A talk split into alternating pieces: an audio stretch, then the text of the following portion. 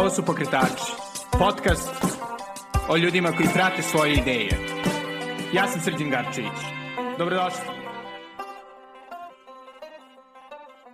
Ćao i dobrodošli u najnoviju epizodu Pokretača. Današnja gošća je Marina Đurović, koja je 2019. odlučila da prati svoju pasiju prema cveću i otvori malu prodavnicu cveća, jednu prelepu malu cvećaru u Golsvrtjevoj ulici u Beogradu. Sa Marinom sam pričao kako je izgledala njena odluka da napusti NVO sektoru kome je radila pre toga, kako je izgledalo praviti takav jedan prelepi posao i konačno njenoj ljubavi prema cveću i onome što nju motiviše da se bavi svojim prelepim, prelepim zanatom. Ova epizoda koju ćete čuti je skraćena verzija cele epizode koja je dostupna na Patreonu. Ovoga puta ne samo mojim mecenama, već svima. U njoj pričamo još malkice više o samom poslu, o samoj maloj prodavnici cveća i on dosta bitnoj temi, a to je nalaženja saradnika. Kod eto, overite na patreon.com kod crta Belgrade celu epizodu koja je otprilike nekih 40 minuta duža.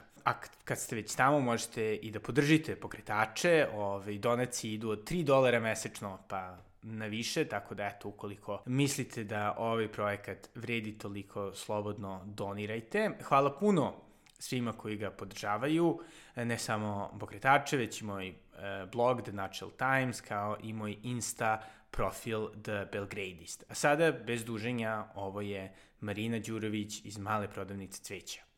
Hvala puno Marina na, na vremenu i hvala puno našem zajedničkom drugu Petru Ivačiću što nas je spojio. Baš time što je rekao, e moram da idem kod Marine da kupim cveće. Ona je bila sjajna osoba da je pozoveš.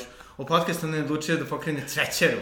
Kako si odlučila cvećeru? E, prvo za Petra da ti kažem, Petar Ivačić je jedan od mojih prvih mušterija. Mm -hmm. Ja mislim da je prvo on došao, onda je došla njegova devojka, onda njegov brat, onda sam upoznala i mamu kad sam nosila cveće. Mislim da i mama njegov, devojke njegovog brata isto nešto naručila, onda se taj krug a mnogo širio. Tako da Petar mi je mnogo drago, on mi je komšija, tri put mm -hmm. dnevno ga viđam i on je onako jedna vrlo redovna osoba u mojoj cvećeri i uvek se mnogo lepo popričamo i to ti je jedna od najvećih blagodeti imanje male radnje u, u lokalu, tako što znaš, upoznaš fantastično neke ljude koje uopšte ne bi imao prilike da vidiš. Tako da mnogo mi, da sam Petru pričala, pošto ja svima pričam i pričljiva sam i onda kad je on počeo redovno da dolazi, tako smo počeli da menjamo iskustvo, one što je sportaš, trči, mene zanima, ovo, ishrana i tako dalje. I onda on mene pitao kao kako je cvećer, onda se menjamo ispričala priču, onda on tebi ispričala, to je onako malo Da. neobična priča. E pa sad, otkud ja u cveću? Ovako na prvu loptu, kao mogu da ti kažem sasvim slučajno, ali ništa nije slučajno. Znači, Naravno. viši centar imao neki drugi plan za mene. Ja sam završila političke nauke u Beogradu i radila sam dugo po raznim nevladinim organizacijama, onako sve kako postupeno ide. Prvo sam bila asistent, pa koordinator na projektima, pa project manager i tako dalje i to je sve onako fino, uzlazno išlo. Međutim, ja od uvek volim cveća. To čak nije ni meni neki hobi bio nešto pretrno koliko ja to volim. Aha, kao uzgajanje Ne, ili kao rezano estetiku? cveće, Aha, kao estetika, kao rezano cveće, ali ne sad u smislu ja volim da dobijem buket. Ne, ja strašno volim da to analiziram. Mm Mhm. -hmm. I sećam se kad sam ja prvi put onako shvatila da ipak ja možda to malo više volim, a, je to što sam primetila da recimo kad odem na sahranu, sećam se umro je tata jednog mog druga iz razreda, bili smo baš mali, druga, treća godina i celo odelenje otišlo na sahranu i bilo jako potresno i emotivno baš mi je onako bilo teško, plakala sam i tako dalje i onda nekako u tom ono bunilu, ajde da, da se kao malo saberem, ja počnem da gledam silno na cveće. Stvarno? Da, ali kako ti kažem, da ga onako ozbiljno analiziram.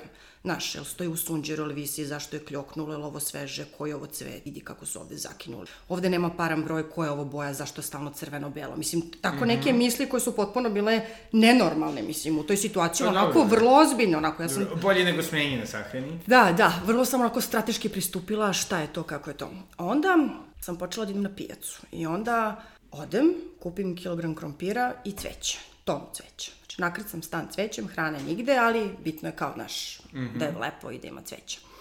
Onda su polako drugari počeli da se žene udaju i kao, ajde ti voliš, ti znaš, ajde samo malo ovo, ajde ti meni malo ovo, ja sam tako krenula njih da udajem, ženim sve, ajde mlad, mladenački sto kod ovo, kod onog i tako sam ja to krenula kao neki hobi, umem, znam, meni je to zabavno, još ja sva srećna kad mi neko da zadatak da mu nešto odradim, da mi kao pare, idi kupi cveće i napravi mi nešto, ja Da, da. nikad mi nije bilo lepše. I to je tako je to krenulo, kako ti kažem, malo po malo da sam ja shvatila da ja to stvarno volim. Onda kada sam dala uslov za drugu godinu na fakultetu, bila sam četiri meseca u Engleskoj. I engleski ima fantastične cvećare. To je potpuno jedan neverovatan pristup i pakovanju interijeru i dizajnu i svemu. I onda sam ja kao sumanuta išla po tim cvećarama, gledala, zapitkivala. Mene to tako zanimalo. Je li ja postojala samo... jedna određena kad je bilo posebno draga? Ne, uopšte niti sam ja to nešto tad Mislim, posmatrala. Mislim, ili deo Londona gde ti je bilo Ne, to čak nije bilo u Londonu, to je bilo u Exeteru. Aha, okej. Okay. I uopšte nije bila fora da to bude cvećara, nego ta energija kad ti uđeš unutra, kad ti sve to vidiš, pa da su to metalne kantice, kakve su to vaze, kako pakuju, koje trake. Mene, ta energija u cvećari je meni bila potpuno fantastična. Onda sam jednu godinu, dve živjela u Moskvi. E sad, Rusija je jako poznata po floristici, to je tamo jedna ozbiljna grana biznisa. I onda sam tamo opet kao mahnita tako išla na razne te njihove sajmeve, oni su imali te neke razne demonstracije, znaš, vidi kako se radi, šta kako. I ja sam to sve tako pomno pratila i onako ušla sam u tematiku da ja kad vidim, meni je potpuno jasno kako se dolazi do toga, znači sve znam. Ja kad uđem u cvećaru da kupim cveće za nekoga, ja samo što ne kažem, aj skloni se, ja ću, molim te, pusti Aha. me, ja ću to da uradim, sve okej. Okay. I to je tako krenulo i to je tako uzimalo maha, onda sećam se, od svake plate, ono kao na početku meseca, ja odem bila neka divna knjižara u Resavskoj koja je imala super kao taj neki sekciju stranih knjiga i bile su fantastične knjige raznih stranih autora, fantastično ilustrovane.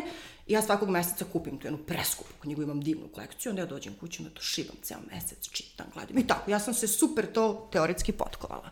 Ali kao ideja da imam cvećaru, nije to sad meni nešto bilo primarno. Ja sam kao imala svoj posao, to je sve bilo lepo, ali ja, ja volim.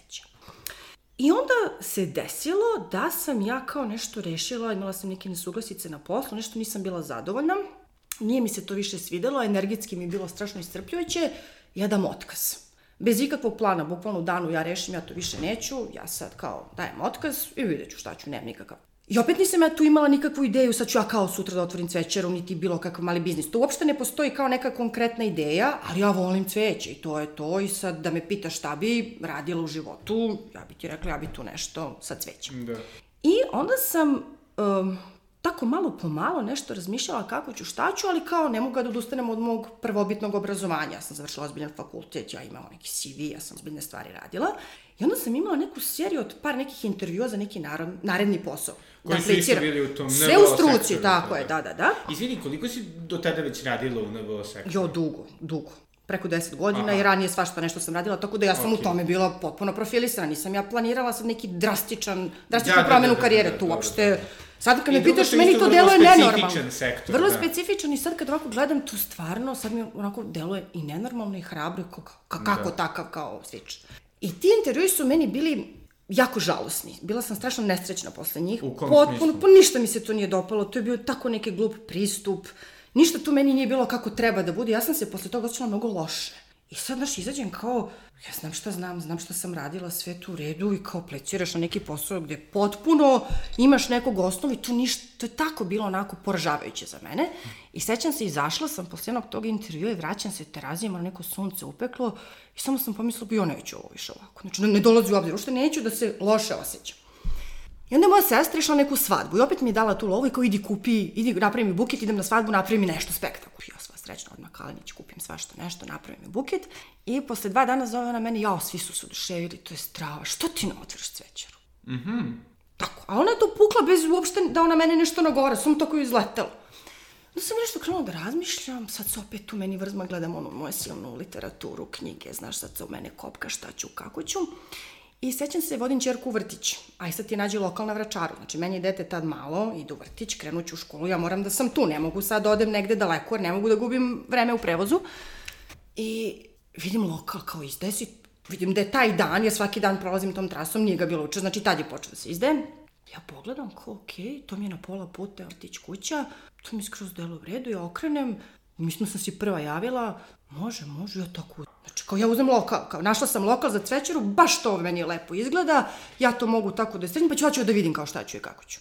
Znači, potpuno nema biznis plana, nema sad neke ideje, da. to je tako, evo ja ću sad to, ja volim cveće, ja to, ja znam da ja to mogu. I onda se desila fantastična stvar. I to se desilo, izvini, samo 2018. 2019. 19. Da, da, baš pred koronu. I onda se desila neverovatna stvar, A, bila sam s nekim drugom u cvećeri, izašli smo ispred i nešto pričamo i prolazi neki gospodin stari. I pita šta će ovde da bude. I ja sva srećna kažem da ću bude cvećar, onako, znaš, kao ja, divno. A on me ovako pogleda i pljune ispred mene i kaže, pobogu, da li si ti normalna? Ovo je moj drugi ostao u šoku od te reakcije. A meni u sekundi u glavi, znaš oni američki filmovi kad se momak udvara u devici i kad ga ona najbrutalnije moguće odbije, Da. a on kaže sviđa mi joj se. I meni samo to prođe u glavi i rekao da, to je to, to će biti strava, to je to, je to, to je znak, ovo će biti super priča. Dobro. Znači to je bila moja reakcija na tu skandaloznu scenu u sred bela dana. I ništa, ja tako rešim, cvećaru sve završim administrativno. Jel tada nastaje divni mural?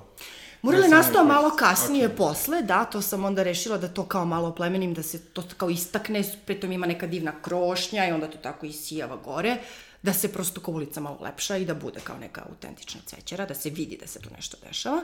I to tako krene, kažem ti, meni je bilo bitno da se ja pokrenem s neke tačke, znaš, da ja samo napravim korak i onda po principu vidjet ću šta ću usput, sve će mi se samo kasti, to će se otvarati vrata, to... Ja sam, ja nisam imala sumnju u to, to je, to je strašno čudno. Ja generalno sam dosta sumnjičava i onako nepoverljiva i vrlo volim sigurne varijante. Znaš, ne volim ništa nepoznato, ne volim ta neka iznenađenja, ali za ovo po prvi put u životu ja sam bila potpuno sigurna da je to to. Ja nisam imala ni, kako ti kažem, ni trunčicu neke nedoumice da ja radim pogrešnu stvar ili da ja neću biti okej s tim ili da ću ja vrlo brzo da odustanem. Okej. Znači, apsolutno nikakva sumnja. Ta neka u tom trenutku ta moja želja da ja napravim taj neki ogroman raskorak sa, sa tadašnjim životom je bila očigledno toliko jaka da sve te nedoumice i strahovi, oni su potpuno nestali. Znači, ta želja je prevladala sve.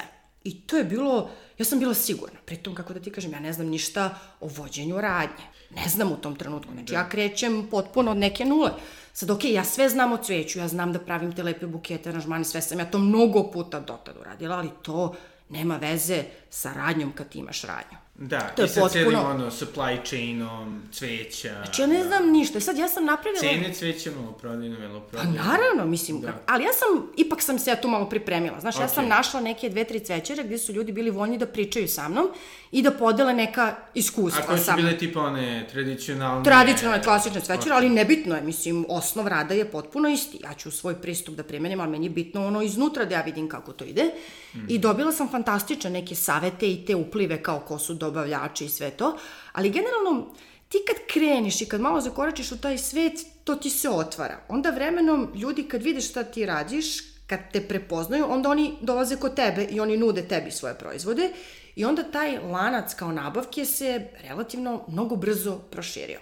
Ta nabavka ti je u Srbiji takva da tokom nekih hladnih zimskih meseci kupuješ uglavnom uvozno cveće, to su ti berze iz Holandije. Um, postoje ljudi koji uvoze na veliko i onda ti lepo dođeš i kupiš. Imaš dva neka načina kupovine. Jedan ti je da ti sve unapred naručiš i dobiješ poručenu robu. Okay. A drugi, meni mnogo zanimljiviji način je da baneš u te hangare kad sve to stigne i da onda na neviđeno vidiš šta sve ima i ti probereš šta tebi treba.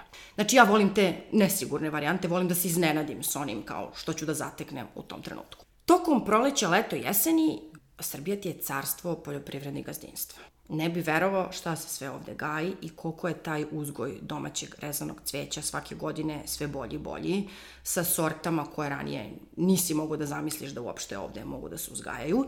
Tako da to je grana koja je fantastično odskočila i ko, gde, su, gde, gde je taj uzgoj, gde je to domaće cveće ozbiljno dobro, po mom nekom mišljenju. Znači... Evo, postoji neki, da kažemo, ono, regionalni centar srpskog cveća. Pa, imaš onu kao pijacu ili berzu cveća, kako oni to zovu, Ukrnjači. Dobro. Znači, to ti je kao sabirni centar, tu se svi Okej. skupljaju četvrtkom rano u zoru, rano ujutru, svakog četvrtka. Generalno ona radi svaki dan, ali četvrtkom je taj udarni dan i u principu sva poljoprivredna gazdinstva tog dana dolaze tamo, izlažu. A mislili smo gde oni to uzgajaju, postoji, ili po celoj Srbiji? Cela Okej. Srbija, znači imaš Vojvodinu, um, imaš, ne znam, Šid, imaš okolinu Kra uh, Novog Sada, Kragujevac, Leskovac, Šabac, okolina Beograda, Znači, bukvalno po celoj Bukvalno Srbiji, po celoj Srbiji postoji, da. Aha.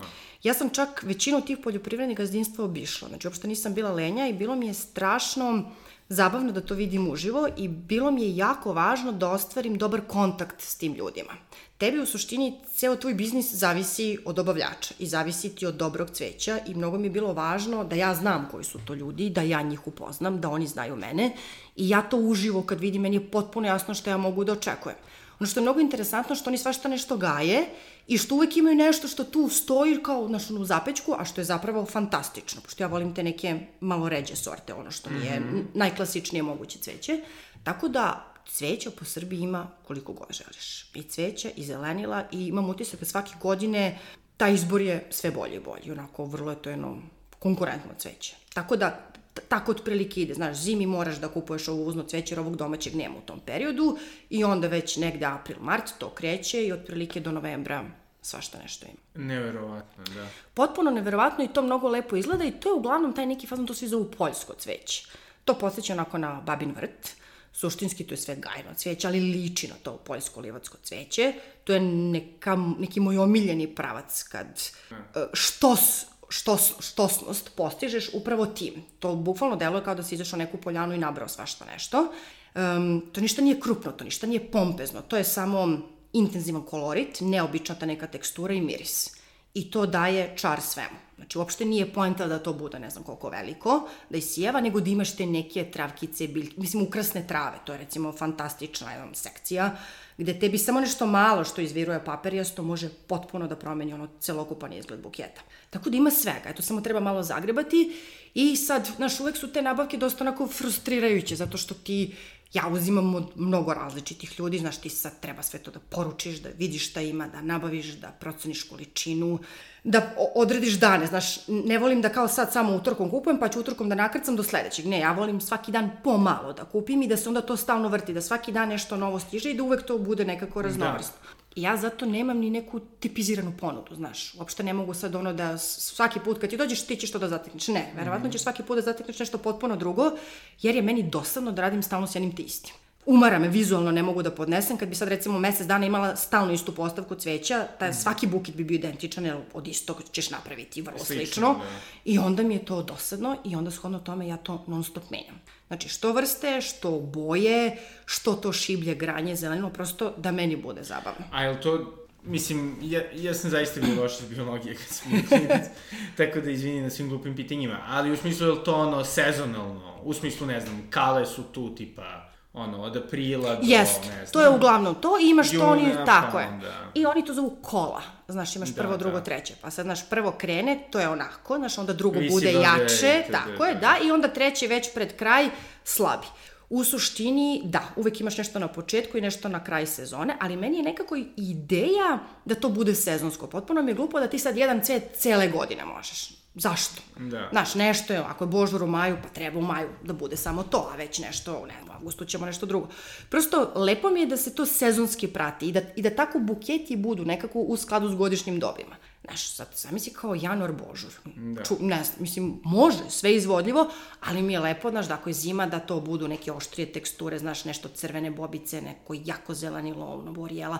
Prosto da se to prati i da tebe buket kad ga dobiješ asocira na temperaturu, napolju na godišnje doba. U maju mak, Da, svašta nešto ima, da. Ima i maka, mak je jako redak, da znaš, vrlo nezgodan za uzgoj, da, nema ga puno. Vrlo brzo. Vrlo vreme, brzo, da. kao da postoje čak neke određene sorte koje ni ne možeš da uvezeš. Naprimjer, dalije, postoje, poenta je da kupiš samo u Srbiji. One u transportu strašno nešto onako ne budu baš uvek kako treba, a zato postoji savršena ono, uzgajivačnica u Srbiji gde prosto tu kupuješ. Tako da ima svega. Mislim, to je, to je, to je potpuno neverovatno i ja, ja svake godine kad odem sezonski, ja se frapiram šta sve vidim, jer koliko god da znam i da sam u tematici, uvek nešto novo bude i uvek su to neke nove sorte. Uh, Ma to, to je fantastično, mislim, da. to je potpuno preuzbudljivo. A jedna stvar, mislim, kod cveća naravno je činjenica da pretpostavljam da različito cveće, mislim, ima različit, da kažem, rok trajanja. Da. Da, i, ove, i kako onda, ono, projektuješ potražnju i ponudu? To je mnogo teško. Mislim, u smislu da ne bi na kraju bacala pola cvećere, da. Ne bacam ništa. Aha. U suštini.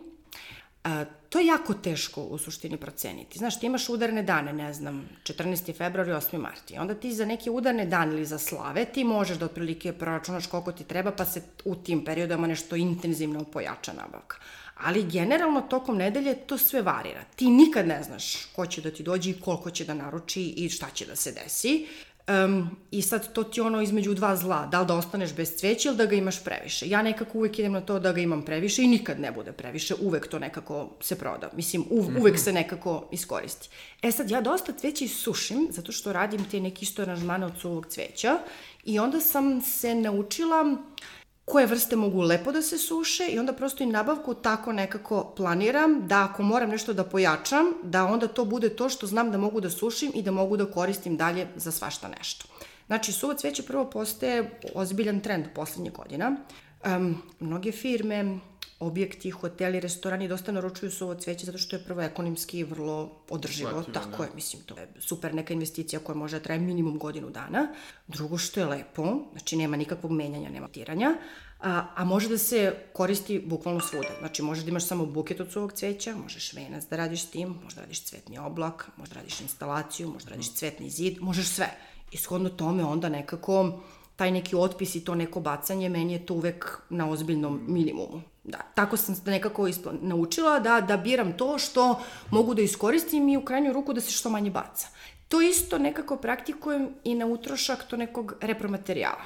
Znači, ne koristim folije, nikakve trake, nikakvu plastiku, nema srca, zvezdica, ono, srećna slava i tome slično. Znači, sve je vrlo neutralno, sve je naturalno, sve su prirodni materijali. I onda poenta je nekako da kad se to pakuje i kad ti dobiješ buket, da ti vidiš cveće, a ne da tebe zaseni pink papir do poda gde ima jedno 7 metra papira i gde cveće tu uopšte nije ono u prvom platu, već to neko pompezno pakovanje da bi to izgledalo tako do poda to, to ne volim. I onda gledam da sve to bude jako, jako prirodno, onako, da, da maksimalno iskoristim sve, sve, sve, sve prirodno. Da uopšte nemam ništa što je onako, što šuška preterano. Da, da, da. Pošto ja se sećam ovaj kao klinac, da je glavna stvar bila onaj, e, mislim, ono, srebrnkasti papir, to jest folija. Da. I ona bela, tr, e, kao cvetići, kako se to zove? Gipsofil, na to misliš? Verovatno, mm -hmm. da, ono što onako, skoro, ona tačkice i ne znam, Jeste. ruže Jeste. i palma. Jeste palmil list uvek. I Da. uvek su bile kale, ja se uh, šalim s onim, znaš, ona kao onaj papir za uvinje koji potiče na mrežu za komarce. E, jeste. Znaš, da, to je uvek, to jeste. dan danas, mislim, sve postoji, sve treba da postoji, to ništa nije sporno, ali kao moja ideja je bila, sad ja imam radnju kakvu ja želim da imam, mm. -hmm. ja radim sve isključivo prema svojoj estetici, znači nikog ne teram, nikog kupuje, Ne. ali ako radim ovo što obožavam, onda radim na onaj način na koji ja mislim da je ispravan i to je to. Aha. Znači, ne, nema papir pink boje, nema, nema toga, nemam ni srce, ni zvezdicu, ne mogu tu uslugu da pružim, stvarno. Ali ta neka estetika je moja i to je to. I kad to odstraniš i kad to nekako probereš, dobiješ taj neki proizvod. I ja bih rekla onako da mi to poprilično fino ide. I tekako da, evo, ovde smo ovaj pored jednog prelepoga, Da, prelepoga donela sam ti sa buket. Si nekad dobio buket cveća? Irisima. E, nažalost nisam, ne. Eto, Zapravo, vidiš. Tako da je to prvi put. Ovaj. Nije redko, pravo ti kažem da žene kupuju muškarcima cveće kod mene. Stvarno? Da, To se nije, promenilo, nije redko, da. da. Ali uvek je ta ne, naš neka ona mala kao input da bude muški buket, znaš, ili da budu Aha. neke A šta oštre čini, na teksture. primer, muški Pa buket? imaš neki, imaš neke cvetove Karanfili? koji su... Ne, ne mora nužno da bude, ali ima ti neki zimskih cvetova koji su onako, znaš, malo te ne kao žbunovi, imaju debele onako drške, Okej. koji su onako kruti, koji podsjećaju, imaju te neke oštre teksture, prosto kao, znaš, da ne bude baš na nešto nežno. Da. Ali nije redko, u poslednje vreme toga ima sve više i više, i za godišnjice braka, i za rođendane, i žene dosta prave te neke fore, znaš, kao pošalju buket cveća, tako da ima toga. Stvarno? Da, da. To nam je baš utisak, baš smo Sanja i ja, a devojka što radi sa mnom, baš smo komentarisale kako u poslednje vreme to nije redkost. Da, pošto meni se čini da se nekako, sad da naravno molim te, ispravi me, ali da se nekako makar kultura kupovine cveća dosta promenila. U krajnjem slučaju, jeli, Beograd je izgubio cvetni trg kao cvetni Da. trg, jeli, koji je tada bio, ranije bio centar Da. ovaj, cvećarama državnih. E, I nekako, ja se sećam, na primjer, moji roditelji su uvek kad smo išli u posetu, ne, bi kupili makar jednu ružu, makar Jest. jedan cvet, dok, ono, moja generacija, ili možda samo sam ja okružen varvarima, to se ne radi. Jel ti se da je to istina, ili sam ja samo okružen? Pa, moj utisak je da se cveće dosta kupuje poklon. i da uopšte nema veze ni s godinama, ni sa uopšte nekim konkretnim prilikama, Ok. nego ono, dobar dan, lep je dan, izvoli buket cveća. Znači, i tekako se kupi. Mislim da je ta kultura dosta onako avanzovala. Sad, ne mogu ti kažem u poslednje vreme, valjda zato što ja to volim, pa sam ja stalno okružena time, ja otkazam za sebe, ja kupujem cveće, ja volim da dobijam cveće. I kad ljudi znaju, uvek ti tendencijozno to i poklanjaju. Tako da ja sam uvek u tom nekom krugu. Ali rekla bih da to je onako na finom nivou, da to uopšte nije i stariji i mlađi. Znači, potpuno je nevezano od godina i od nekog povoda. Znaš, ja, ja uvek kao kad neko dođe, kad traži buket, ja uvek pitam za, za koji povod, ne, baš, šta, šta, šta je, Da, rođendan, godišnjica, čisto nekako, to mi znači, nekako imam utisak da nešto tu ja mogu da specifično napravim kad znam zbog čega ili kakva je osoba. E sad, vrlo interesantno što, znaš, recimo, meni dolaze muževi mojih stalnih mušterija. I to je mnogo interesantno, moram ti ispričam priču.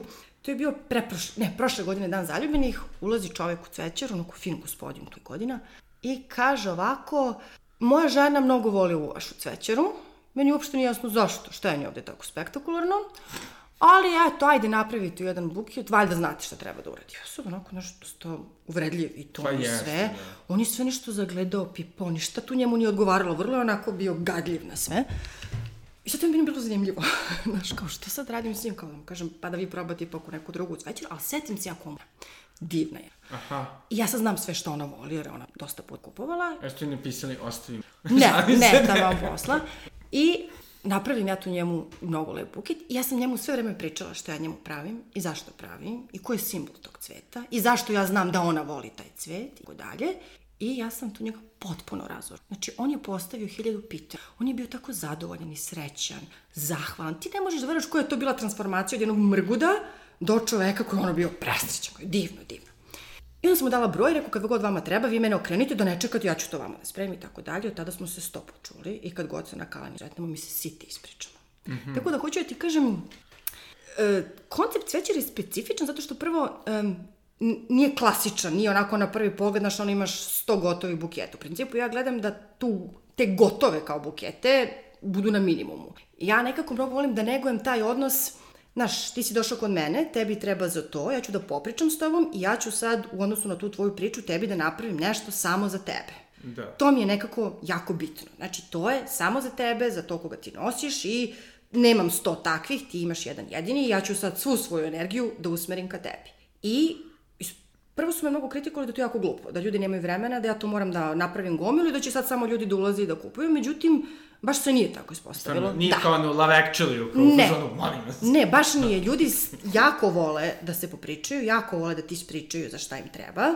Um, tu se nekako povežeš s njima i oni uvek dolaze i uvek postoji ta neka priča kome se nosi mm -hmm. i uvek je taj buket nekako specijalno za njih. I nekako ja po tom principu idem. Mislim, ti možeš da okreneš, da naručeš i tako dalje, sve je to okej, okay, ali nema ono sad, znaš, ja imam gotovih sto, svi su isti, identično, svi izgledaju, i kao to je to. Ne, nekako uvek se trudim da svaki bude drugačiji. Prvenstveno, što nekako, znaš, ja kad to radim, meni je dosadno da sve bude isto, nije mi zabavno da tako štancam i onda uživam u toj nekoj priči i da to stvarno bude baš za tebe i da mi ti kažeš, ja, ovo bi se njoj mnogo dopalo, super, baš ćemo to da stavimo. Da. To je tako. Mislim, to je teži put, nije, nije to lako, to je dosta yeah. iscrpljujuće, to vremenski traje, ali ja sam shvatila da je to meni uživanje. Znaš, ja stvarno to nekako volim i onda shodno tome, ja se tome predam, znaš. Da. A čisto mi interesuje, mislim, ono isto znam da kao, jeli, svaki cvet ima određenu simboliku, uh -huh. itd., itd. Mislim, ali i ono, koliko to ljudi znaju? Dobro, ja prvi sam stvarno prilično. Pa, ono, dosta znaju, dosta imaju neka ta neka da. Pogrešna uverenja, znaš. Karanfil se uvek vezuje za nešto loše, onda mi je mnogo Stvarno? smešno, da, i onda mi je mnogo, pa da, kao. Kao zbog čega? Zbog ovaj, devitelj protiv devitelja? Apsolutno, da. To je svima prva asocijacija crveni karanfil. I sad, najsmešnije od svega što ja nikad nemam crveni karanfil, ali karanfil postoji u toliko tih nekih tonova, nijansi, Evo ovdje šatiranosti. jedan pink. To je savršeno kakav karanfil ume da bude. Onda mi je mnogo smešno kad kaže daćete mi ovu ružu. Ne, to je karanfil. Ne mogu. Znaš, pojma nemaju, ali kategorički za karanfil neće da čuju. Ko ne voli karanfile? Pa. Tako da, e, misle da znaju i vode se tim nekim predubeđenjima, znaš, kao žuto je ljubomora, crveno je strast, ljubičasto je kao kraljevstvo i tako dalje. Belo pošto Sad, tako je, da, ali um, opet i ta simbolika je različita od zemlje do zemlje, sve to zavisi, znaš. Da. Ja nekako, znaš, kad zovu ili kad naručuju, pa kao da li to ide za rođenje, kao taj cvet? Po, ka, kako ne biš, mislim, sve lepo, sve ide. Poenta je kako ga uklopiš. Mislim, ti ko imaš deset različitih ljudi, daš im isto cveće, svako će drugačije da napravi nešto od toga. Poenta je samo kako to uklopiš mm -hmm. i kako ti vidiš to. Sad, ta neka moja vizija tog nekog cvetnog dizajna je, ja ne volim, ne volim da je upeglano. Ne volim da je to preterano uredno zategnuto, ja volim da to Neko diše. ikebane, da. Da, po, dobro, raznih ima, ali volim da diše, volim da ima nekog prostora, volim neku asimetriju, znaš, volim da se igram tim nekim bojama. Ne volim monobukete, recimo, to me strašno zamara, ali opet, pošto kao kad nema neki zahtev, ja ne mogu da odbijem, moram da ispoštujem želju, onda mi se dešava da mi tekako demantuju, znaš, potpuno me ono demantuju da napravim nešto i kažem ovo je fantastično, nikad ne bih rekla da će ovako da ispadne, ono, na ivici sam bila da kažem ja, ovo nemojte to, ali kao, ajde A ispoštuje želju. stvarno, da. Da, recimo imala sam mladu koja je želela dva bidermajera da ima. Znači, jedan koji će kao da se baci i drugi koji će ona da nosi ceo dan da se s njim fotografiše, pošto ona veliki ljubitelj cveća. To je meni bilo potpuno fantastično. I onda ona imala super ideju, ajmo da jedan bude samo monobuket od lala, jer je lala njeni cvet, a drugi da bude šaren sve. Kad je ona meni rekla kao samo, kako samo, bit će dosadno to sve. I sad, znaš, kao ono, ajde, nađi način da od tog jednog napraviš da to bude interesantno. I onda sam ja uzela mnogo nijansi, ali koje su se stapale. Znači, nije velika razlika u intenzitetu, ali je različito Kao sve. gradijent. Da. Otprilike. I ubacila sam gomilu tog nekog poljskog polusurežeg. To je bilo fantastično. I onda sam na sve to lupila neku plavu traku od pliša. To je bilo nestvarno. Na kraju kad sam je odnela, je kao, jo, žao mi da ti dam, da ga ja ipak zadržim jedan za mene. Kao, mnogo je dobar, daj mi jedan. Tako da, da, znači potpuno priznajem da me u raznim situacijama demantuju zahtevi i to je super, zato što, znaš, uvek imam priliku, kako ti kažem, svi ti zahtevi, svi ti tako klijenti, potpuno ti proširuju horizonte, znaš, teraju te da izađeš iz svog nekog okvira. I to je fantastično, pogotovo kad radiš za nekoga, za te neke veće klijente, kad radiš dekoracije prostora, mm -hmm. koje su velike. Znaš, imaš Šta kratko vreme. svadbe? ili- Ne svadbe, može da bude radnja, može da bude da. izlog, kancelarija, venčanje, šta god, restoran, okay.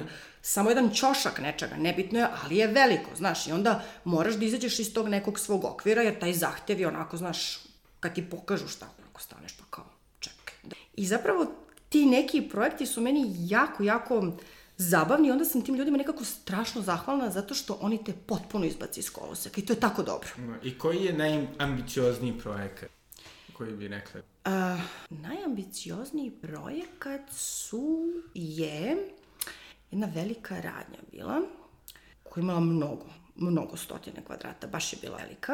I gospođa mi se pojavila 5 dana pred otvaranje, radnje da ona mora da se potpuno sve sredi. To je bila nova godina, znači da se potpuno izdekoriš u tom nekom novogodišnjem duhu i imala je super neke zahteve da to sve visi s plafona. Znači sve ono što je tehnički baš zahtevno da se uradi za 5 dana otprilike. I ja sam sad kao, je meni super izazov, ali to dolazi u trenutku, u decembru, kad ja imam toliko regularnog posla, decembar jako udaran mesec zbog nove godine, mm. zbog slava, ona dolazi s tim pompeznim zahtevom, ja sad vidim da je to meni neviđen izazov, znači ja sad to moreću kao, ali kako sad da stignem sve to da ukombinujem, ne mogu kao da kažem uradit ću, a da to ne ispoštujem. I sad, znaš, već, ja tu posustajem ga, da li ja to mogu, i kako, ali ona je mene tako, mamo, nema šta, ti možeš. I sad, ona je moja stalna mušterija, jedna divna, fantastična gospođa koju strašno volim zato što su to ljudi i ti tako neki veliki projekti koji te strašno izmeste. Da. I ta nek, to neko poverenje koje oni tebi ukažu i daju ti tako te, znaš ono, sve, uradi šta god hoćeš, samo mi gađa ovaj kolorit, to mi je bitno zbog toga i toga, a ti kao šta god hoćeš, oni te potpuno izmesti. I ti kad to završiš, kad ti to uspeš, kad ti to isfotografišeš, usnimiš, kad ti vidiš to i staneš ispred toga, Mislim, taj osjećaj zadovoljstva, to nema cene. To je isto i kao, kao venčanje. Znaš, kad ti nekome kao ulepšaš taj vrlo bitan dan, kad te primopredaje Biedermajera, mislim, meni je to uvek jako bitno. Mnogo volim da vidim te neke reakcije mlada. Mislim, to mi je jako važno. Znaš, to je, to je veliki dan u životu, koliko god to nekome bilo važno. Da. Ne, jeste, ženama je jako veliki dan. Biedermajer je većini žena jako bitan. Drži ga ceo dan, na svim fotografijama se vidim. I onda nekako to zadovoljstvo kad vidiš da je to to, da to njima potpuno kao, znaš, ono, menja koncept, meni je to neprocenjivo. Mislim, to su meni trenutci koji me tako hrane, da to ja mislim to ničem ne može da se kupi.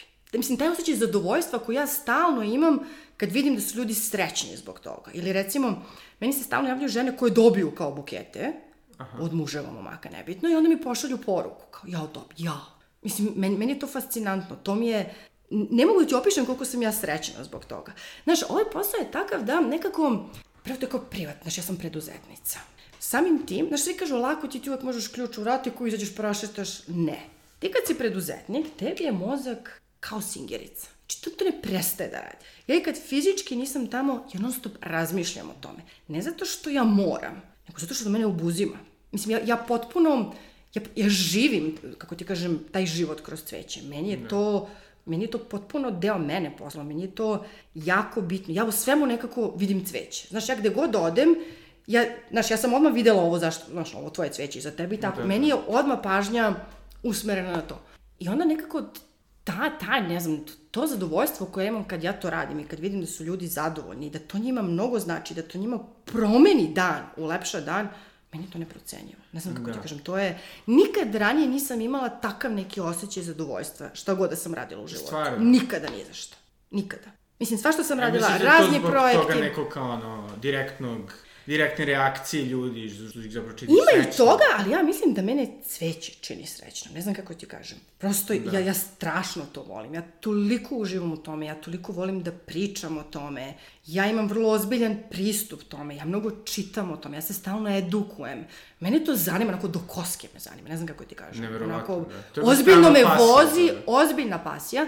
Pričala sam skoro jednu divnu drugaricu u Zagrebu i onda sam bila da upoznam isto neke divne cvećarke iz Zagreba. Imam fantastičnu tu neku prepisku sa isto jednim fantastičnim devojkama koje to rade u Slobodno Zagrebu. možeš da ih pomeneš. Zovu se Samonikla. Aha. To su dve fantastične devojke. Njih sam upoznala tako što su mi u istom danu ušle dve mušterije i rekle da u Zagrebu postoji cvećara koja radi nešto slično kao ti i dale mi kao Instagram profil.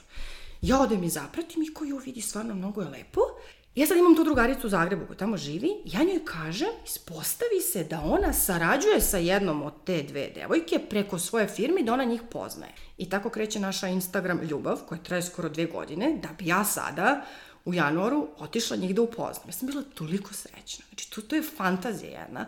Prvo smo bili na ručku, pa smo pričali o cveću. Onda mi je bilo, to je, to je fantastično. Znaš, ono, imamo iste nedumice, iste probleme, iste strahove, iste bojazni, na isti način nekako razmišljamo. Onda smo se tako okuražili, kao, pa super, sve je to okej, okay. mi smo kao skroz okej, okay, kad o svemu isto mislimo. Znaš, da. potpuno smo se ono izbustovale međusobno. Onda su me odvele kod njih hotelja, onda sam svašta nešto gledala, naučila, pokazale su mi materijali, kako se šta koristi, onda ono što raste u Hrvatskoj, šta čega ima. Mnogo mi je to bilo korisno, ta kao neka, znaš, ono, iskustva. I onda sam pričala sa mužem te moje drugarice i on mi je rekao tu neku neverovatnu stvar gde ja, gde ja to ne kapiram zato što ja sam ne vidim kao to. I sad njega kao zanimalo to cveću, sad ne znam da li on to mene kurtozno pitao, ne, mi smo krenuli da pričamo i sad je ta priča uzela maha da ja pričam, pričam, pričam, pričam. I on jednom trenutku kako stane i kaže, bože, ja nikad nisam upoznao nikoga ko sa takvim erosom priča o poslu. Ko je moguće, kao to je posao, to tebi nije hobi. Ti kao da. živiš od toga i ti to toliko voliš. Ako stane, da, da, da.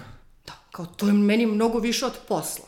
Yes. Znaš, meni je mnogo bitno, um, ja sam jedno vreme se lomila, znaš kao šta da radim, da li da, da li mi je bolje, praktičnije i lakše da nemam kao cvećaru, nego da imam online prodaju i da nemam izložbeni taj prodajni prostor, nego samo po poručbi. I onda sam shvatila da, to bi bilo mnogo praktičnije, to bi mi verovatno kupilo mnogo više slobodnog nekog vremena da ne moraš baš da si stalno prisutan, ali s druge strane nema ljudi. Aha. Nema tog kontakta, nema tih razgovora. Ja sam mnoge fantastične ideje dobila upravo od mušterija. Mm. U razgovoru. Znači, potpuno oni meni ukažu, je, samo da ti pokažem, vidi moj drug, aj, to je si video nekad, mislim, potpuno onako slučajno. Drugo, u Cvećeru je um, nabasalo toliko ljudi koji što ništa nisu planirali nikada da kupe, niti bilo što, koji su samo tako ušli, koji su meni otvorili razne neke vidike, znaš. Da. Potpuno, mislim, ništa nije slučajno, o tome hoću Naravno, to pričam. Da, znači, da. sve, sve ima neki, neki svoj zadnji cilj. I onda nekako ta cvećera je meni simbol te neke mnogo lepe energije i tih nekih susreta i tih nekih poznanstava i iz tog nekog kruga je svašta nešto počelo. I onda to nekako, znaš, vrlo ljubomorno čuvam. Uopšte, znaš, nekako ne napušta mi se taj moment, da, to je to je moj život, to je moj izložbeni prostor, dođite mi da se upoznam, ja ću vama da pokažem, pritom ona je jako mala, to ništa nije sad Da, da. pompezno, to nije nikakav mermer, znaš, ona je vrlo kao neki radioničarski prostor, vrlo je živo tamo, Jeste. mislim, svašta nešto se Da, dešava. izrazito rustično. Čak, Izrazito eto, rustično. Mislim, ne znam da, da, mislim da sam ti rekao da me Da. podsjetilo Jeste. na ovaj You've Got Mail, na onaj njen mali, e, Da. na onu knjižaricu, tako, ono, nekako ubačenu u Bosfortivu između, Da. ono, dve nove zgrade. To je zapravo, ok, ne dve nove zgrade, ali ima Tako pored je, nova je. zgrada, onako malo štrči. Meni je ideja frontu, bila da da. to bude prvo rustično. Ja ne volim te neke mm, preterano uredne prostore koje poteću na apoteke. Ja mislim da cvećera ne treba da bude. Znači, to je Da. jako živo. Da, i Što prodavce kaže- koji se mršte. Na, Što kaže jedna moja dođu, mušterija, kakva je to cvećera ako nema lišće na podu? Mislim, vi ništa onda ne radite, to mora da bude živo. I onda nekako volim da to bude tako rustično i da se stalno nešto menja i dešava i tu je ono 300 različitih vaza, limenih kofa, ovog ono, mislim, visi sa svih strana. Mislim, to je neki ambijent koji meni prija. Znaš, nije uopšte onako upeglano, nije klasično, ali mi je kao neki drugi dom, znaš. Tako da, eto, tako sam ja to rešila i ta, nekako ta cvećera, taj prostor je meni simbol neke mnogo lepe energije. I ko je sada najveći trend vezan za cveće? Pa, poslednjih godina, šta znam da ti kažem, mislim, svašta nešto tu ima. A, poslednjih godina se dosta izbacuju sunđer iz upote, znaš, to je kao ozbiljno loš prirodni materijal, to je neprirodan, koji se jako teško razgrađuje i to je kao jako loše po prirodnu sredinu i onda se gleda da se sad ceo taj koncept aranžiranja svede na one kenzana za badanje u one kao iglice ili da ide direkt u vodu ili u neke mreže, ali da se prosto taj kao sunđer izbacuje. Onda se ide, znaš, sad na taj neki fazon da ne bude sad to ne znam mnogo svega, nego da to bude ono kao po par nekih specifičnih cvetića. Suštinski, ti neki trendovi se menjaju i opet nekako, koliko god da pratiš ili ne pratiš trendove, e, taj koji ti naručuje, on se uvek kad radi nešto za sebe, on se uvek vodi time šta mu je omiljeno, znaš kao. Da, da, da. Omiljen cvet mi taj, hoću samo toga. Ili omiljena boja mi je ta, samo to. Tako da, ti neki trendovi ništa, upravo ti kažem, ne znače mnogo. Zapravo, mislim, kao pratim, da, gledam sve što se dešava, to mi je više kao neka inspiracija da vidim kako neki svoj način, ali ne, ne mogu sad ti kažem ja kao, ja ne znam kao šta je trend, ne, šta je trend. Sukulenti, monstere, ona zvona. To je, sukulenti su prvo, to je odavno bilo jako, jako popularno. Znači, sukulenti sad nisu nikakav novitet. Da, da. da. Um, sad se dosta ljudi okreću, znaš šta je sad recimo jako interesantno, traži se recimo bidermari samo od zelenila. Ili, znaš, da bude samo kao eukaliptus, raznorazno zelenilo i par tih nekih sukulenata. Da bude što prirodnije. Znaš, da bude drugačije. Nema uopšte cveća, ajmo samo zelenilo. Onda kao, znaš, kako radimo kao neke aranžmane za sto, ajde da to budu neke girlande od nekog zelenila. Znaš, da se kao to malo izmisti i da se što više vuče kao na prirodu, na neki minimalizam, da neće da bude mnogo ruža, ne znam čega, nego da bude to tako neko kao neobično zeleno. Sad, zelenilo isto, kako ti kažem, ozbiljan pristup svemu, kao zelenilo pa je lakše raditi. Ne. Daleko od toga. ne, mislim, sve ima neke svoje prednosti i mane, ali da, svega ima. Suvo cveće u poslednjih godina dosta onako, to sam ti rekla. Popularno da i mnogi se okreću tome i to je onako super zanimljiv pravac. Zašto? Zato što suvo cveće kada osusiš ono gubi na boji malo, znaš, postaje bleđe. Mnoge te biljne vrste kad ih osušiš onako mogu da deluju mrtvo, znaš, nije, moraš nešto da im uradiš da ih nekako osvežiš, da ih s nečim ukombinuješ da ne bude baš kao našo si negde na ulici. Grobljansko cveće. Da, tako da to je onda izazov kako s tim. Drugo, znaš, i suvo cveće kad se osuši, on se dosta skupi, gubi taj volumen, znači treba ti mnogo više nečega da bi napravio isto to od svežeg. Tako da ima tu tako nekih raznih, znaš, začkoljica, caka, onda svake godine se pojavi nešto novo, neka nova trakica, nić, neka boja, nešto. Non stop ima nečeg novog, tako da za trendove, mislim, Ni, recimo, mislim da iz, da kažem, recimo, ne pamtim da mi je skoro neko tražio, što ti kažeš, te neke klasične bidermajere, znaš, kao samo ruža i ta gipsofila, to be, što je ranije samo se to, tu sad niko. I generalno, um, svi mi traže, to ja tako zovem, razbucane bukete raštrkane. Znaš, kao hoću da sa svih strana nešto izlazi, štrči, po mogućstvu da pustiš ono neku granu, neku lijanicu da nešto pada, da malo visi po podu, da to budu neke trake, kao neki boho Paprati, fazon, da. paprati, pamuci, šta god, samo da tako kao bude neobično i da podsjeća onako, da bude kao malo divlje, da ne bude neke nežne forme, nego da tako bude kao malo prirodnije. Eto, to, to u poslednje vreme je dosta aktualno. I jel postoji tvoj omiljeni? Ne, to je pitanje svih pitanja, ne. To uopšte, znači to nema trika i pogotovo, e, kažem, čovjek se vremeno menja. Ja recimo, kad sam tek počinjala kao s cvećerom, sećam se, kupila sam amarilis. Amarilis je cvet koji ima jako debelu stabljiku, znači toliko i šuplju iznutra i čim malo stisneš, ona puca. I sad to je onako... I to je meni tako bilo mučno, nikako nešto nisam s njim mogla i onda sam krenula da ga izbegavam jedno. Ali lep cvet, znaš, sad je to meni bilo daj, kao pusti stabljiku, nađi neki način kao neka kupakuje. I onda sam krenula da ga forsiram i onda mi on sad po, kao primarni, pogotovo tokom zime, ima tu bordo bojku, baš ume da bude dobar i veliki se otvori. Tako da hoću ti kažem, on mi je pre dve godine bio ono na listi otpisano kao jo nemoj samo to, ove godine ga forsiram non stop jer mi je strašno interesantan. Tako da meni se to strašno menja, znaš. I drugo, um, ja sebe teram, pomeram sama sebi granice. A to je sledeće. Znači, um, kao imam kao to neko omiljenje cveće. Ja volim te neke zgužvane forme, volim da nešto neobično i tako dalje.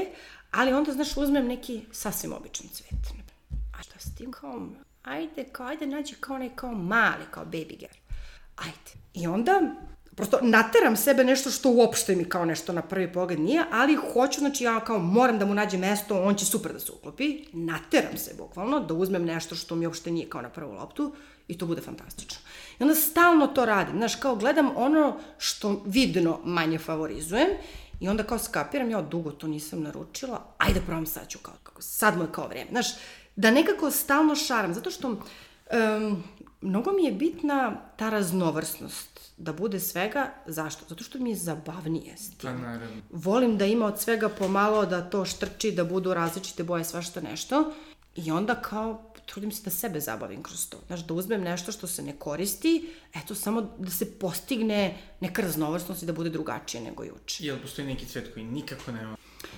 Um, ne da nikako ne volim, uh, imam problem s ljiljanom, na primjer. Stvarno? Ne mogu da dišem od njega, da. A zašto se vrlo jak miris, da? Ima intenzivan miris i onda uh, kad ga imaš, jako imaš Puno. pet komada, ne treba ti više, to može da se diše, znaš. I onda ne mogu, a inače cvećara je mala, ima svega, znači taj nivo alergijena je verovatno na ozbiljno visokom nivou i još taj ljiljan kad bi ušao, verovatno bi umrla. Znaš, prosto ne, ne mogu, ne, ne mogu ono kao, Da. ne, ne, ne mogu da izdržim. E, nemam te neke kao sad ne volim ili kao podsjeća me na groblje, neću njega. Ne, mislim da su to potpuno neke glupe klasifikacije, to čak, to, to me nervira. Nekako volim da to sve bude zastupljeno i nekako volim da forsiram domaće cveće, što se kaže ono, znaš, ono cveće iz babinog vrta. E, to što volim da radim, pa to, to mi je, znaš, ono kao jorgovan, um, narcis, to neko cveće kao ono što, što te potiče, kao pa to je moja, to je moja baba, kao, znaš, Jeste. ima u dvorištu. Perunika, znaš, to je potpuno je sinonim za ono babinu ljuljašku, eto, to Pa tako da. izgleda. E, to, to Dobro, toliko volim. Jeste, ali kako ti kažem, jorgovan je ono bilo dvorište. Jeste. Go, nemaš baš u cvećeri da ga, da ga nađeš često. E, to mi je strašno zanimljivo. To mi, i to, um, to neko cveće čak ni nemaš u nekoj regularnoj ponudi, znaš kao, nego i ne padne ti na pamet. Bukvalno, nego, znaš ono, prođem pijacom i onda vidim babe koje prodaju to babsko cveće i to mi potpuno ono promeni. Recimo, meni narcis fantastičan cvet. U cvećeri nema trika da nađeš narcis, to uopšte nije zastupljeno. E, to, to mi je recimo strašan izazov. Te neke stare sorte koje se gaje, koje čak se ni ne gaje, nego znaš, ono, bukvalno ti se zapati, pa eto tu ti tako stoji. To mi je strašno interesantno da, da to ubacujem. On ima jedan fantastičan cvet, zove se kandilit. Mislim, verovatno nikad nisi čuo. Ne. Potpuno nevjerojatno. To su kao neke male ljubičaste kapice. To je nevjerojatno. Podsjeća kao na đurđevak, ali nije. I onda uh, različak. Mislim, to, to je nešto što je toliko A, znam kao... različak zbog DSS-a, eto. da. Sim ti kreirala Nije kampanju. asocijacija bila to, ne. Ali, znaš, to neko kao davno zaboravljeno cveće koga nema, to, to mnogo volim da, Da. da. ubacujem. Da tu uvek bude, znaš, kao, jo, šta je ovo? Da, Tako da, n- ja mislim generalno da je ta kultura darivanja cveća mnogo. Da je to mnogo važno i da su to ti neki mali znakovi pažnje koji ženama mnogo znači. Ali zaista, znači to je bukvalno cetva. Ja imam, sećam se jednom je ušao klinac, ja mislim da on iz 14. nama je 14. gimnazija pored Cvećer i on je došao na onom velikom odmoru, unezveren, otprilike on molim vas, kao, dajte mi par cvetića za jednu devojku. To, to će meni, to će da popravi sve. Znači, to je potpuno fantastično. Znači, ono, samo onako na brzinu, dva, tri, kao samo da nešto odnese.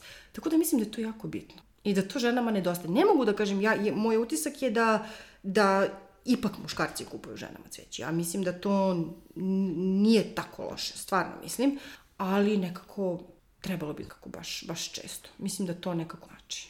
I da se uvek obraduje šta god nekako cveće, to je nekako baš lepo. Meni niko ne poklanja cveće, ti možeš da veruješ? Pa mogu da zamislim da Niko. to možda, da to možda ovaj, da su uplašeni zbog visokih standarda. Ne, ne, svi imaju jednu te istu rečenicu, a to je pa ti imaš cveće, u tebi je sigurno muka od cveća. Zamisli. Rekao, pa dobro, ali ja ne nosim kući to, znači doću da, da ja dobijem na poklon i ja ću da odnesem u svoj stan, da ja uživam u tome. I onda kaže mi, da li, da li je moguće? Rekao, posljednji kao buket, čerka mi je kupila, ona nabrala i donela. Mislim, ne, ne čuva ovako, niko ništa. Tako da apelujem, molim vas, donesite mi cveće. Evo, evo, evo, evo, imate sada... Želim buket. Sad je istina. A to je potpuno glupo, znaš, ka- kao, kao sad, kako, glupo je kao tebi da kupimo cveće, ti ćeš to odmah da zameraš, da tražiš mane. Ne, ne, uopšte, znači Ali- ja u... I ne, nešto me isto strašno nervira, to je isto tako smešno, znaš, gde god odemo i sad svi donesu cveće na neki rođendan, nešto i naravno ja donesem moje. I onda stave kao poređe i onda kao, e, kao šta sad ti misliš o svim drugim buketima? Ne, cveće je fantastično, svakako, tako da... I jel ima još nešto za kraj što bih htjela da dodaš? Uh, nešto da poručim mladim. Apsolutno, apsolutno. Ili ne samo mladima, ili ljudima koji hoće da promene karijeru, ili koji su u situaciji da moraju da promene karijeru. Uh, pa, na šta sam nešto razmišljala, šta je... Uh, šta sad ja nekako smatram uh, da je mnogo bitno. Uh, I ljudi se, što je normalno, bojiš se tih nekih velikih odluka. Mislim, to tako kad treba da napraviš neki ogroman preokret, da sasečeš nešto, mislim, to baš, baš nije jednostavno. I mislim da se uvek svi osvrću na ono um, šta ako ne uspem, šta ako propadne. Ja samo nekako sad s ove tačke razmišljam da bi meni najstrašnije, ali najstrašnije od svega bilo da a, dođem u situaciju za 10, 15, 20 godina i da žalim što nešto nisam probala. Meni je to sad, eto, najveći mi je strah da, da mi se to ne desi, znaš.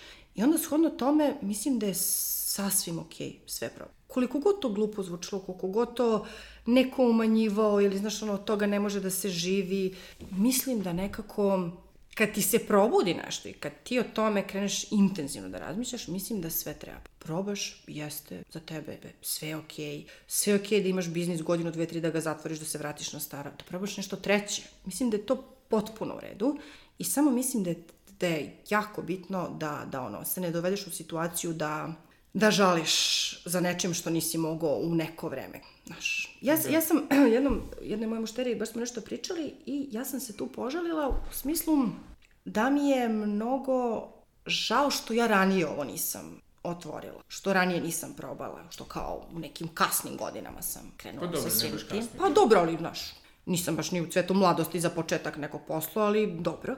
Onda ona meni rekla, kaže, znaš šta, da, ali to uopšte ne bi bilo to. Znaš, ideja kad sazri, to ti je pravi trenutak. I u ostalom, kao, znaš, da si možda previše rano krenula, možda bi to brzo izgustirala, ne bi bilo to to. Ovako ti si kao u nekoj zrelosti, kad si već sve nešto otvorila i skockala, to je kao bio pravi trenutak za tebi. To kao uopšte nije, kao, to, to je tvoje vreme. Tako da samo mislim da treba probati sve. Pogotovo za te neke stvari gde ti ne treba ne znam kakva neka investicija da nešto probaš. Ali realno sve što želiš nađeš način. To niko ne može da me ubedi da to nije moguće. Ali bukvalno za sve. Znači samo je bitno ono... Um, mnogo je bitno imati neku želju, ozbiljno neku želju. Znaš da te nešto ozbiljno radi, da imaš neki ozbiljan, dugotrajni entuzijazam za nešto. Ja mislim da bi meni bilo strašno da recimo nemam to cveće koje toliko volim, nekako znaš da imam neki život, da ne postoji to nešto šta god, mislim, hrana, životinje, nebitno je, nešto gde je ono taj neki vrh, ono, koska svega, otprilike, znaš, ono, to, to je to za mene. Mnogo mi je bitno da postoji to, to neko, ono, dnevno radovanje nečem što strašno voliš. Potpuno mi je tužno mi je nekako strašno mi je, znaš, da, da nemaš neku pasiju za nešto šta god bilo. Da voliš da igraš karte, da, ali da si strava u tom i da to onako sa uživanjem radiš i onako nekom ozbiljno. Bitno je neko, meni. Da. Znaš. Da li su to knjige šta god, ali prosto da postoji ta neka enormna ljubav za bilo šta. Šta god. I to je bila Marina Đurović iz male prodavnice cveća. E, svakako idite do Golsvortijeve ukoliko ste u prilici, zaista je jedan prelep prostor sa divnom energijom. E, ukoliko vam ovo nije bilo dovoljno, kao što rekoh, možete čuti još 40 minuta ove epizode na Patreonu, na adresi patreon.com, kosacrta Belgrade, a ukoliko bi mi bilo dovoljno, pričekajte sledeću nedelju i novu epizodu Pokretača. Hvala puno mecenama, hvala puno svima drugima koji ovo lajkuju, šeruju i koji se subscribe-uju i do sledećeg slušanja, doviđenja.